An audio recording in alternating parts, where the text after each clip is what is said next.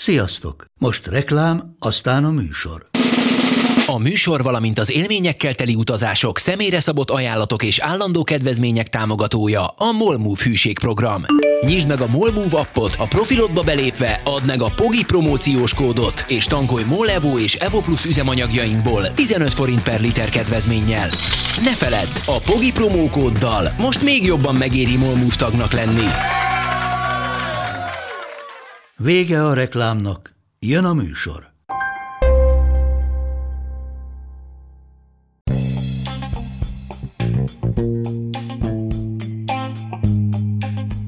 Ez itt a Pogi Podcast. Pogácsa Zoltán közgazdás, szociológus, politikai gazdaságtani podcastja a globális gazdaságról a klímaválság, az automatizáció, a digitális gazdaság, az egyenlőtlenségek és a posztdemokrácia korszakában.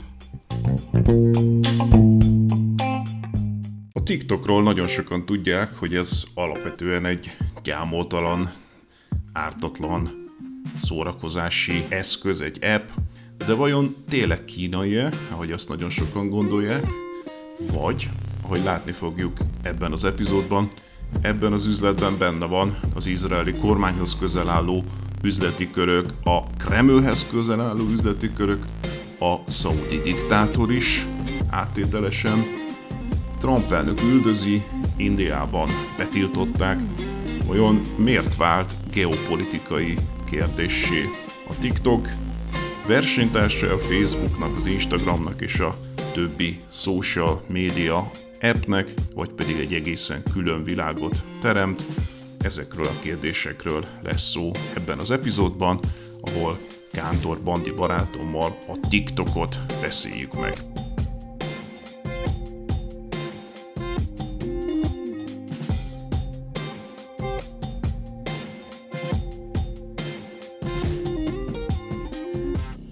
Most egy olyan kört futunk, amikor a digitális kapitalizmussal, illetve a nagy tech cégeknek a monopól helyzetével és általában gazdasági, és hát nem csak gazdasági erejével foglalkozunk, és ebben a körben egyszerűen elkerülhetetlennek, vagy kikerülhetetlennek tűnik, a nem is olyan régen, 2016 vége fele szeptemberében feltűnt, tehát nem több mint 7 éve feltűnt TikTok. Úgyhogy erről fogunk ma a mai adásban beszélgetni. Nekem az az érdekes ebben a sztoriban, hogy hogyan tud egy app ilyen döbbenetes gyorsasággal és ilyen döbbenetes mértékben meghódítani felhasználókat. Ugye bárki, aki utána olvassa TikToknak, azt látja, hogy soha nem volt még ilyen a társas médiában, hogy ilyen gyorsan, ilyen sok ember, ilyen sok országban lelkes felhasználóvá váljon. Minden más korábbi adaptáció az lassabb volt ennél, tehát az egyik dolog, ami engem érdekel, másrészt pedig az, hogy miért pont a TikTok,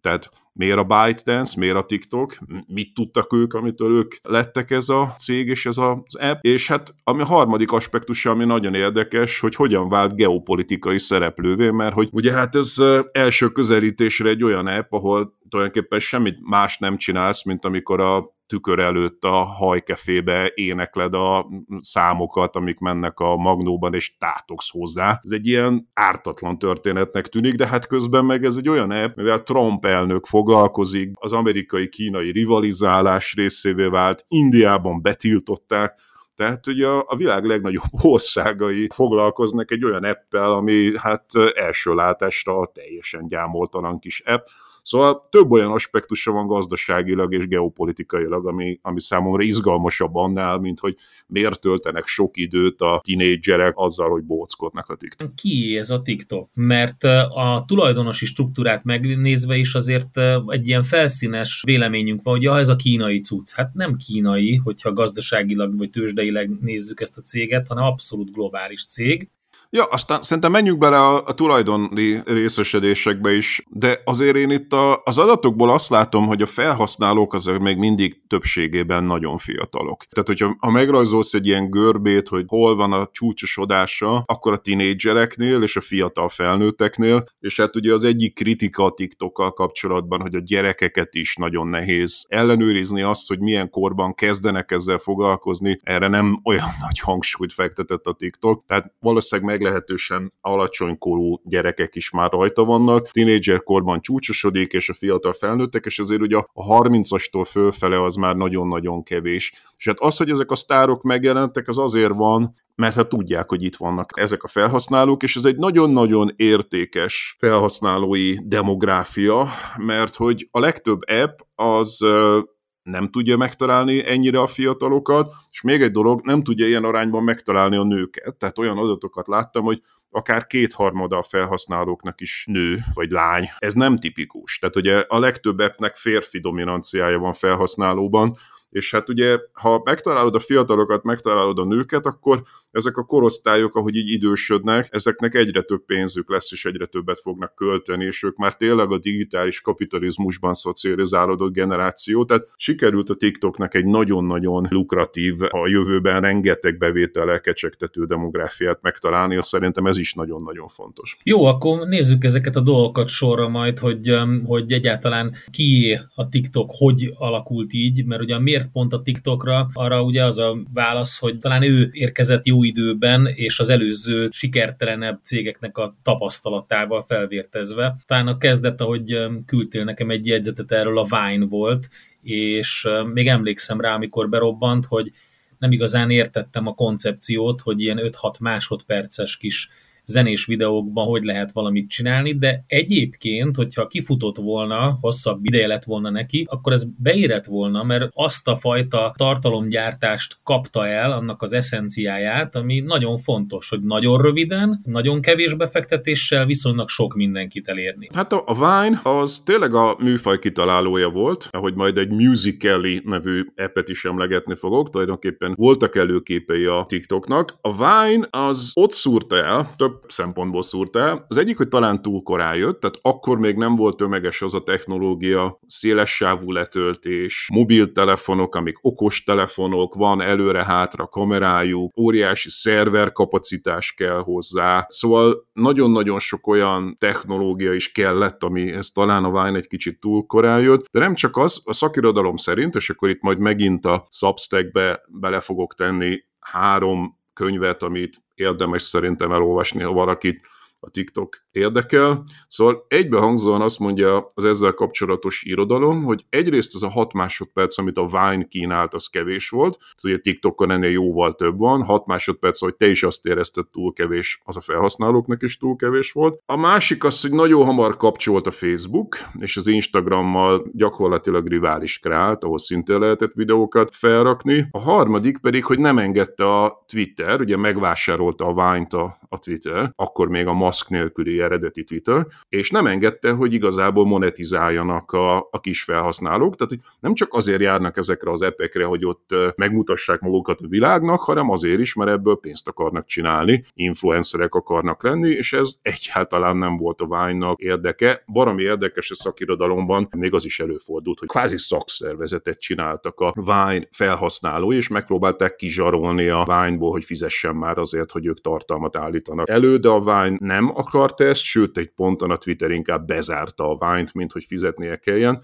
Szóval ezek együtt oda vezettek, hogy a Vine az egy kudarcos korai előkép volt. Jó, akkor folytassuk innen. Ez érdekes, amit mondtál most a Vine-ról, ezt nem tudtam, hogy volt ilyen szakszervezet. Az, hogy nem tudtak monetizálni, az igen, az valószínűleg egy nagyon fontos oka lehetett, de egyébként érdekes, hogy a Twitternek jutott eszébe ez a dolog, mert ugye főleg ez a eredetileg 160, vagy mennyi volt, 100, 160 karakterben kitweetelni valamit, a filozófiájába tökre belepasszolt ez a dolog, de hát ugye akkor ezek szerint nem sikerült. Jó, innen folytatjuk, és akkor megnézzük, hogy a TikTok hogy lett sikeres azoknak a kárán, vagy a, a tapasztalatán, akik viszont előtte nem lettek sikeresek. A TikTokkal foglalkozunk tehát, és annak is a hátterével inkább, vagy gazdasági, demográfiai részével, Említetted még a musical-it a Vine-on kívül. Igen, tehát itt az a sztori, hogy ugye elindul a ByteDance nevű cég, ami igazából eredetileg ilyen hírszolgáltató app volt, és egy Yiming Zhang nevű kínai fiatalember csinálta, de az igazi történet az az, hogy hát gyakorlatilag felvásárolt egy csomó mindent.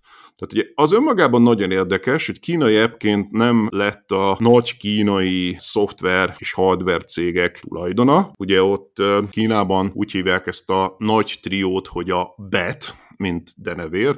Ugye ez a Baidu, a Alibaba és a Tencent. És hogy ez a három, ez gyakorlatilag szinte bárkit fölvásárol Kínában, aki ilyen startup, tehát ahogy nyugaton mindenkit fölvásárol a Facebook, Alphabet, ugye az a Google, Apple, tehát ezek a nagy nyugatiak mindenkit felvásárolnak, Amazon, tehát itt ugye a faga a rövidítés, tehát ahogy nyugaton a faga mindenkit fölvásárol, Kínában a bet mindenkit fölvásárol, hogy valahogy ez a ByteDance megúszta ezt a felvásárlást, viszont elkezdtek ezzel szemben a Baidu-tól is elhódítani marha jó ilyen mesterséges intelligencia mérnököket, tehát arra is támaszkodtak, hogy a Baidu-nak a mesterséges intelligencia tudását, de hogy igazából sok tucat appet felvásároltak, nem csak Kínában, hanem nemzetközileg. Most ezeken nem érdemes végigmenni, mert ezek nagyon specializált appek voltak sokszor, de egy van közöttük, ami különösen érdekes, és ez a Musical Li nevű app volt, ami hát valószínűleg ma már nem sokat mond senkinek, de ez volt az első igazából ilyen tínédzser vihar, ahol így tömegesen tínédzserek,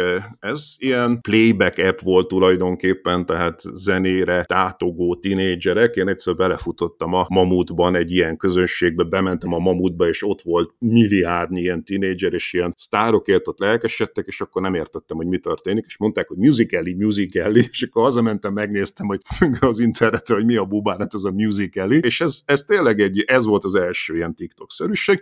Most Ugye ez is nagyon érdekes, mert ezt egy szintén egy kínai csinálta, de egy Amerikában élő kínai, viszont maga a musical a Shanghaiból működött. Tehát ugye ez már nagyon érdekessé teszi a, a sztorit, hogy fölvásárol egy kínai startup egy másik kínai startupot, amit viszont egy Amerikába emigrált kínai csinál, de Shanghaiból működteti. Tehát itt már egy kicsit komplikálódik az a kép, hogy ez egy teljesen tisztán kínai app, hiszen Amerikában találta ki ezt a játékot ez a másik kínai fiatalember, de és akkor ugye miből tudta megvenni ezeket az epeket? Tehát, hogy igazából nekem az a tapasztalatom, minél többet foglalkozok ilyen digitális cégekkel, hogy mindig mindenből rettentő sok van az elején. Tehát Facebookból is 8 millió volt, így ezekből az ilyen zenélő epekből is ilyen kreatív, önposztoló, a felhasználók által tartalmat előállító epekből is rengeteg volt az elején. A kérdés az inkább az, hogy honnan van pénzük arra, hogy ők váljanak annyira nagyjá, hogy egy kritikus tömeget elérjenek. Ez az, amit ebben a digitális kapitalizmusban úgy hívnak, hogy blitz scaling, villámskálázás, hogy honnan tudnak olyan gyorsan, olyan nagyra nőni, hogy ők legyenek aztán a nyertesek. Hát ez mindig a befektetőkön múlik szerintem, ahogy a Facebooknál is úgy volt, ugye az ígéret. Önmagában gond volt már a, a Facebooknak az első jó pár évében is, hogy, hogy nagy kérdőjel volt, hogy honnan lesz bevétel. Tehát mi az, ami majd be, vissza fogja hozni azt a pénzt, amit beletettek,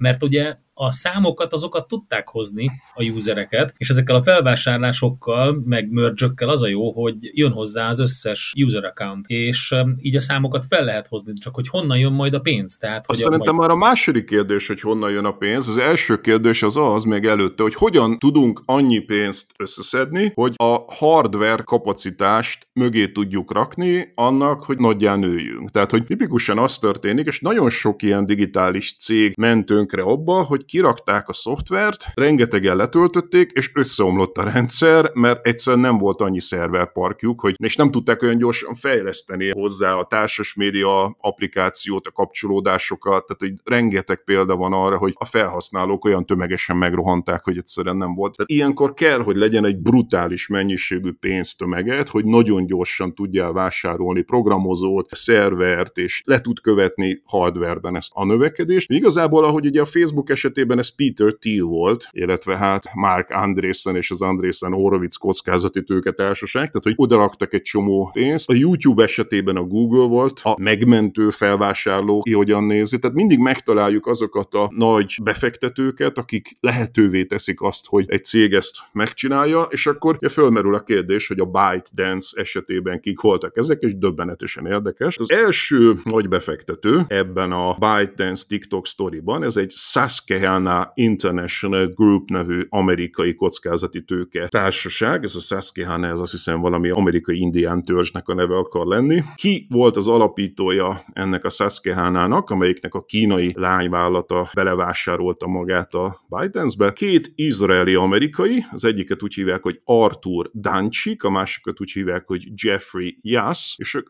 arról híresek Izraelben, hogy ők egy Kohelet Fórum nevű think tanknek a anyagi támogatói, tehát ilyen iszonyatosan nacionalista, konzervatív, ortodox amerikai izraeli zsidók, akik Benjamin Netanyahu izraeli elnök számára letették azt a tervet, ami alapján Netanyahu ezt a demokráciát korlátozó intézkedés csomagot megvalósítani akarta, ellen tüntetett fél Izrael, és amit aztán az izraeli legfelsőbb bíróság most visszadobott. Tehát, hogy olyan... Ez a Susquehanna, ez a Jeff um, Yes-nek kockázati tőke, vagy, vagy um, private equity cége. Így van, és ez a Jeff Yes és Arthur Denchik, ők egyben a első számú támogatói, nem csak a Bidensnek, hanem ennek a Kohelet Fórum nevű think tanknek is, aki Netanyahu mögött áll. Szóval az első kapcsolódás az érdekes módon egy izraeli-amerikai kapcsolódás. A második kapcsolódás az ugye a minden lében kanál Masayoshi Sun. Alig van olyan internetes digitális cég, ahol meg ne jelenne egy idő után Masayoshi Sun, aki egy korai japán befektető, ő a Softbank nevű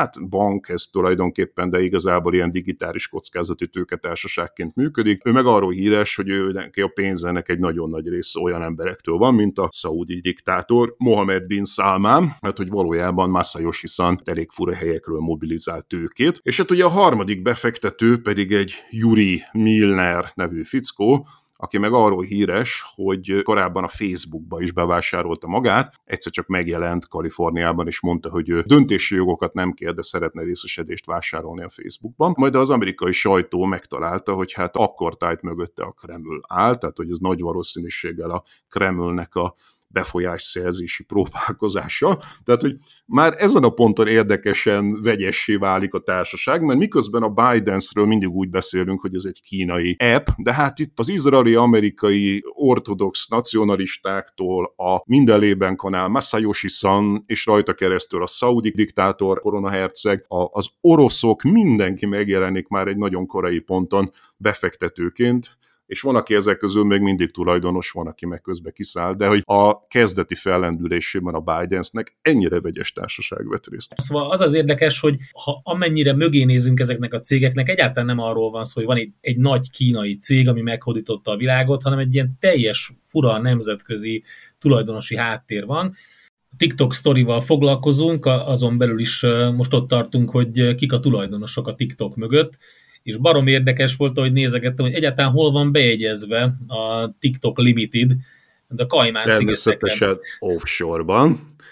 Kajmán szigeteken, tehát hol lenne bejegyezve, hol máshol, mint a adó elkerülésre szakosodott Kajmán szigeteken, és hát ugye a kínai operáció is fizikailag Pekingben van a, a központ, de a, a hivatalos kínai bejegyzése pedig Hongkongban van, ami ugye szintén egy offshore központ, most már Kínához tartozik, de hát itt is azért itt nagyon gyakran adó elkerülési szempontok is vannak annak a hátterében, hogy ha, ha egy kínai nagyvállalkozó, és azért Yiming Zhang, bár Európában nem annyira ismert a neve, de az ötödik leggazdagabb kínairól beszélünk. Ő Hongkongban jegyezte be ezt a cégét, de a teljes nagy vállalat az meg a Kajmán-szigeteken van Tehát a Kajmán-szigeteken van bejegyezve, és a Szingapurban és Los Angelesben van két nagy központja, az anyacégnek, ha lehet egyáltalán így nevezni, a Bidensnek pedig Pekingben van a központja. Fizikailag.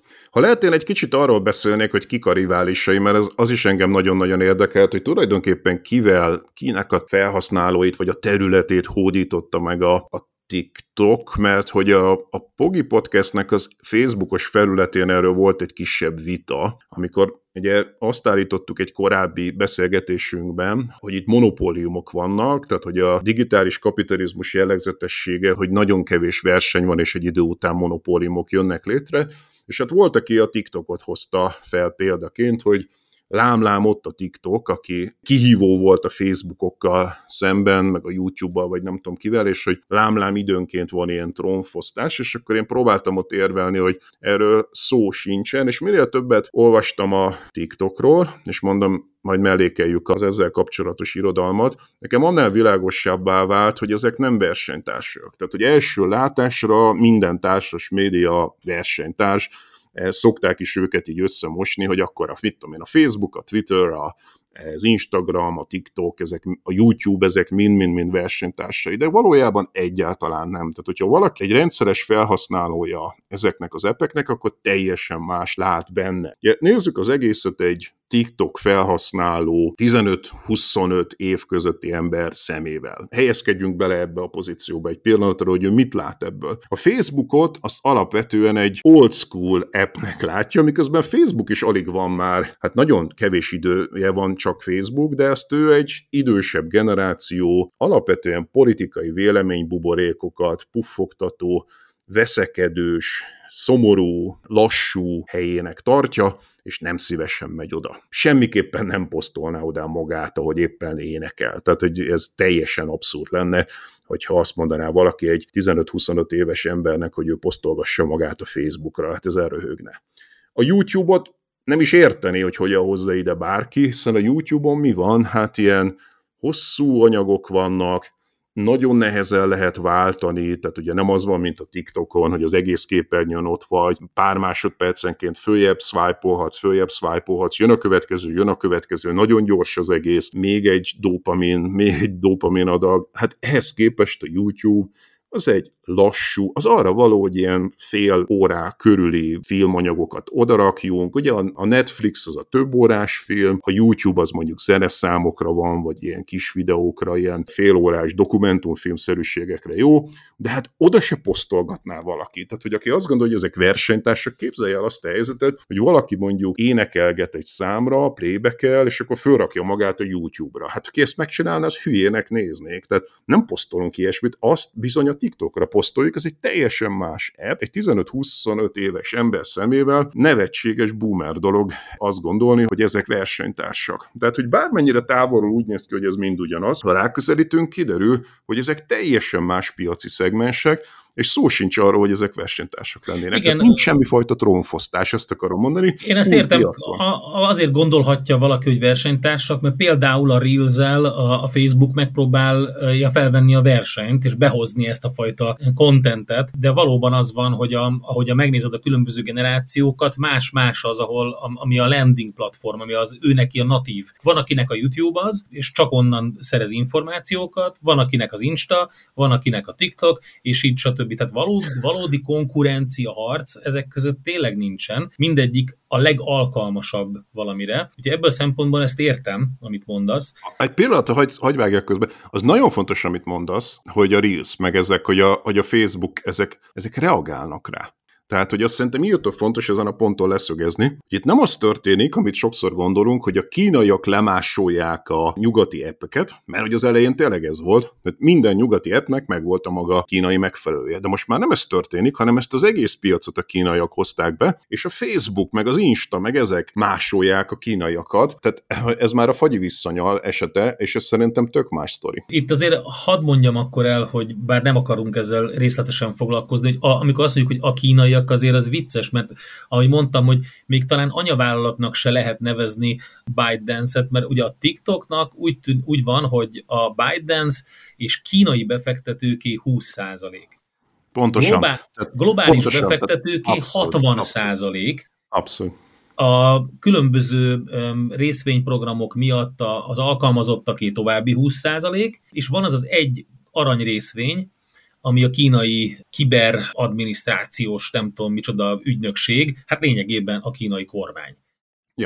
Tehát ezért, ezért is mondtam, hogy, hogy bonyolítsuk ezt a képet, mert ugye Magyarországon rettentően egyszerű ilyen gyagya dihotómiákban tudunk csak gondolkodni, és mindig van ez a másoló kicsi kínaiak, sztori, de hát ez egy sokkal-sokkal összetettebb sztori, ahogy ezt már eddig próbáltuk érzékeltetni, mint hogy egyszerűen csak a kínaiaknak nevezem. Én most az egyszerűség kedvéért próbáltam csak azt mondani, hogy itt egy hát nem nyugati kezdeményezést másolnak most már a nyugati epek, és próbálnak vele versenyre kelni, minek után egy új területet, tehát nem tőlük hódított el igazából felhasználókat, hanem egy teljesen új területet nyitott meg, egy teljesen új demográfiával, sokkal fiatalabb és sokkal nagyobb arányban nő, és hát igazából rájöttek a nyugati epek, hogy időkérdése, de ők kiöregednek, és hogy erre a demográfiára nekik szükségük van, és megpróbálják másolni a TikTokot, de egyébként meg, ahogy az adatok mutatják, meglehetősen sikertelenül. Na folytassuk innen a TikTok sztorinak nézünk mögé ebben az adásban, úgyhogy ezzel folytatjuk a szünet után.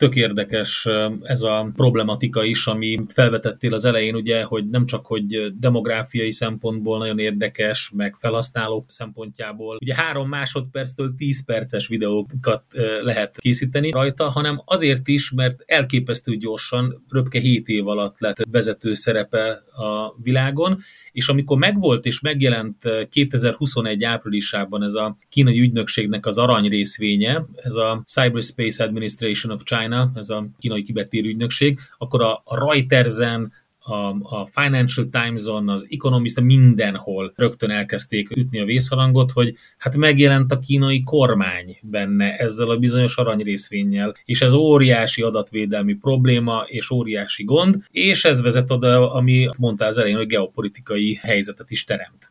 Ja, ez egy nagyon-nagyon nehezen eldönthető kérdés. Ugye a Trump volt az, aki a leginkább verte a tamtamot, és hát ilyen kirohanásai voltak a TikTokkal szemben, meg be akarta tiltatni. És a Trump eleve hiszterikus volt Kínával kapcsolatosan, tehát hogy olyan csúnyán azt a szót, hogy China, senki nem tudja mondani, mint Donald Trump, és hát ugye ő volt az, aki bevezette a szankciókat, stb és hát ugye több lehetséges magyarázat van arra, hogy miért szemelte ki magának ezt az epet, ami mondom, hát alapvetően első látásra egy ilyen teljesen ártalmatlan szórakoztató, az emberek azért mennek oda, hogy jól érezzék magukat, nincs politikai relevanciája, de ő azt állította róla, hogy gyűjti az adatokat, hát mint minden app, rengeteg adatot tud rólunk, mi felhasználókról, és hogy ez potenciálisan átadhatja a kínai kormánynak, és hogy ezért ezt be kell tiltani. Na most, ugye, most ezt, hogy őszintén gondolta a Trump, vagy nem, az egy vita tárgya. Ugye vannak olyan elméletek, ami szerint nem annyira, csak az történt, hogy hát amikor a Black Lives Matter elkezdett mozgósítani Trumpal szemben, akkor egyébként vastagon használták a TikTokot, tehát hogy lehet, hogy részben azért orrolt meg Trump a TikTokra, mert, mert a Black Lives Matter használta, és aztán amikor elkezdte kergetni a TikTokot, TikTokot, akkor a TikTokerek megcsinálták azt, hogy az egyik kampány rendezvényére fölvásárolták az összes jegyet, majd nem jelentek meg, és ott állt a szerencsétlen Trump tök egyedül egy hatalmas odályban, ahol ő azt gondolta, hogy majd beszélni fog, és hát ugye ismerjük Trump meglehetősen hiú ember, tehát valószínűleg a, a TikTok megítélése nem javult az ő szemében azon az éjszakán, amikor cserbe hagyták, amikor azt hitte, hogy ő megint tömegeknek fog szónokolni. Szóval, hogy van egy ilyen bonyolult kapcsolata a TikTokkal, de vegyük komolyan a kérdést, kérdés, tehát, hogy nagyon sokan megvizsgálták, ugye a Biden erre azzal reagált, hogy tessék megnézni a mi adatforgalmunkat, nyilvános az adatforgalmunk, bárki megvizsgálhatja, és egyelőre nem találtak arra utaló jelet, hogy adatokat szolgáltatna Pekingnek, meg igazából nem is olyan adatokat gyűjt, ami igazából annyira érzékeny lenne, tehát mit tudom én például bankkártyát, meg egészségi adatokat, meg ilyeneket nem nagyon gyűjt. Igazából, hogy mondjam, szórakozási szokásokat gyűjt, az meg egy nagy kérdés, hogy ezzel Peking mit tud kezdeni. De, és akkor itt van szerintem, ahol bonyolultabbá válik a helyzet. Mi van akkor, hogyha, és szerintem ez igazából nem is annyira a TikTokról, meg a Bidensről szól, hanem arról, hogy először Kínából globálissá vált egy app, és mi van akkor, hogyha ebből trend lesz. Tehát, hogy állítsuk meg a legelején, ne legyenek kínai epek, amik nyugaton egyre népszerűbbek. Ugye korábban a másik sem működött, tehát hogy rengeteg nyugati app csődöt mondott Kínában, bepróbálkozott az Amazon, de megbukott, bepróbálkozott az Uber, de megbukott, bepróbálkozott a Google, de megbukott. Most meg ugye a fordított sztori van. Mi van akkor, hogyha elkezdenek a nyugati emberek használni? Hát nem ilyen ártatlan epeket, hanem olyanokat, amelyek érzékenyebb adatokat is gyűjtenek, és mi van akkor, hogyha egyszer az a kínai kormányzat, mint mégiscsak egy autoriter ország azt mondja, hogy akkor most szeretnénk az adatokat. Nincsen bírósági folyamat Kínában, amivel egy ilyen nagy kínai cég azt mondhatná, hogy én nem akarom átadni az adatokat. És ebben tényleg van valami rettentően aggasztó, ha nem is konkrétan a TikTokkal kapcsolatban, de a jövővel kapcsolatban.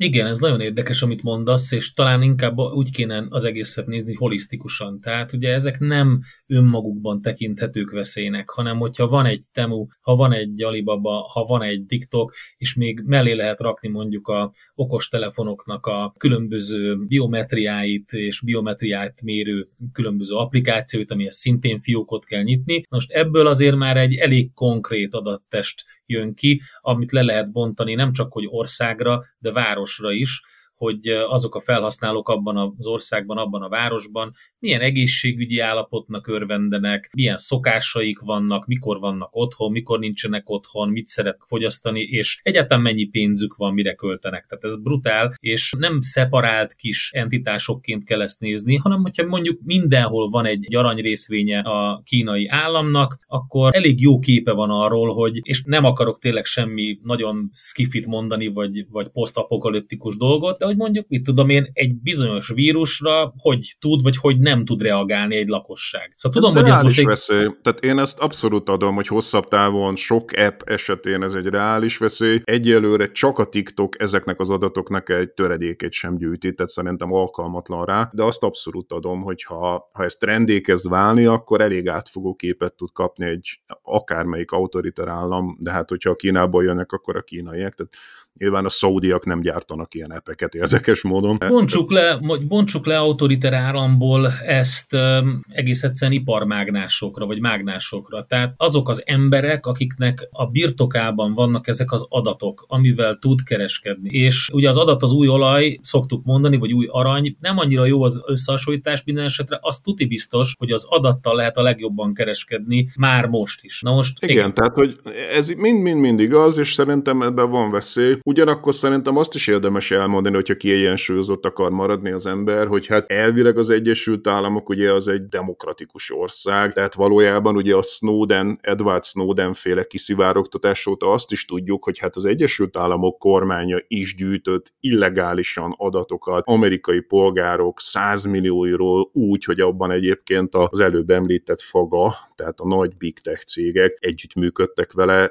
törvénytelenül. Tehát, hogy ugyanez a veszély egyébként egy demokratikus állam esetében is fennáll, ez nem korlátozódik egy Kínára. Hát így nagyon érdekes egyébként a TikToknak a, ez a háttere. Nekem őszintén ebben az egészben a, és a felkészülésben az volt a legérdekesebb, hogy milyen a tulajdonosi háttér, és hogy az mennyire más, mint ahogy én ezt így felületesen elsőre elképzeltem volna. Az is nagyon érdekes, nekem az is nagyon érdekes volt, hogy mennyire szegmentált ez a piac. Tehát, hogy egy 25 éves ember fejével gondolkodva mennyire nem úgy néz ki, hogy társas média, társas média. Tehát szerintem akik régebb óta használnak ilyeneket, azoknak érdemes azon is elgondolkodni, hogy érte ő még azt valójában, hogy mennyire nem versenytársak ezek. Azt mondd el még légy szíves, amiket szoktál mondani, hogy a könyvek, meg a különböző adatok, grafikonok, azok hova kerülnek ki, hol lehet ezt megnézni? Igen, tehát hogy a Pogi Podcastnek van egy substackje, Substack, ahol, uh, ahol ezeket igyekszem minden epizódhoz csatlakozóan azokat az adatokat, amire itt hivatkozunk, ugye hát a podcast ez egy olyan szerencsétlen műfaj, ahol igazából nem tudunk mutogatni grafikonokat, meg számokat, de erre nagyon jó a Substack, hogyha az ember meg akarja nézni, hogy mik azok az adatok, mik azok a könyvek, mik azok a linkek, akikre itt hivatkozunk, akkor a Substacken megtalálja. Ezeket a Pogi Podcast Facebook oldalán is mindig posztolgatjuk, és ott egy csomó kiegészítő információt lehet találni. Oké, ott akkor meg lehet ezeket találni, a Pogi Podcastet meg, ahogy mondtad, a Facebookon, illetve a Spotify-on, kövessétek a beszélgetéseket, és legyen vita belőle, mint a múltkor is volt, azt nagyon érdekes volt olvasni.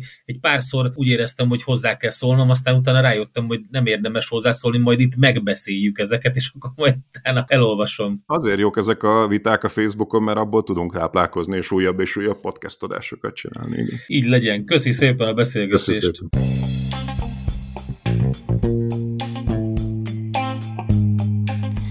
Ez volt ma a Pogi Podcast.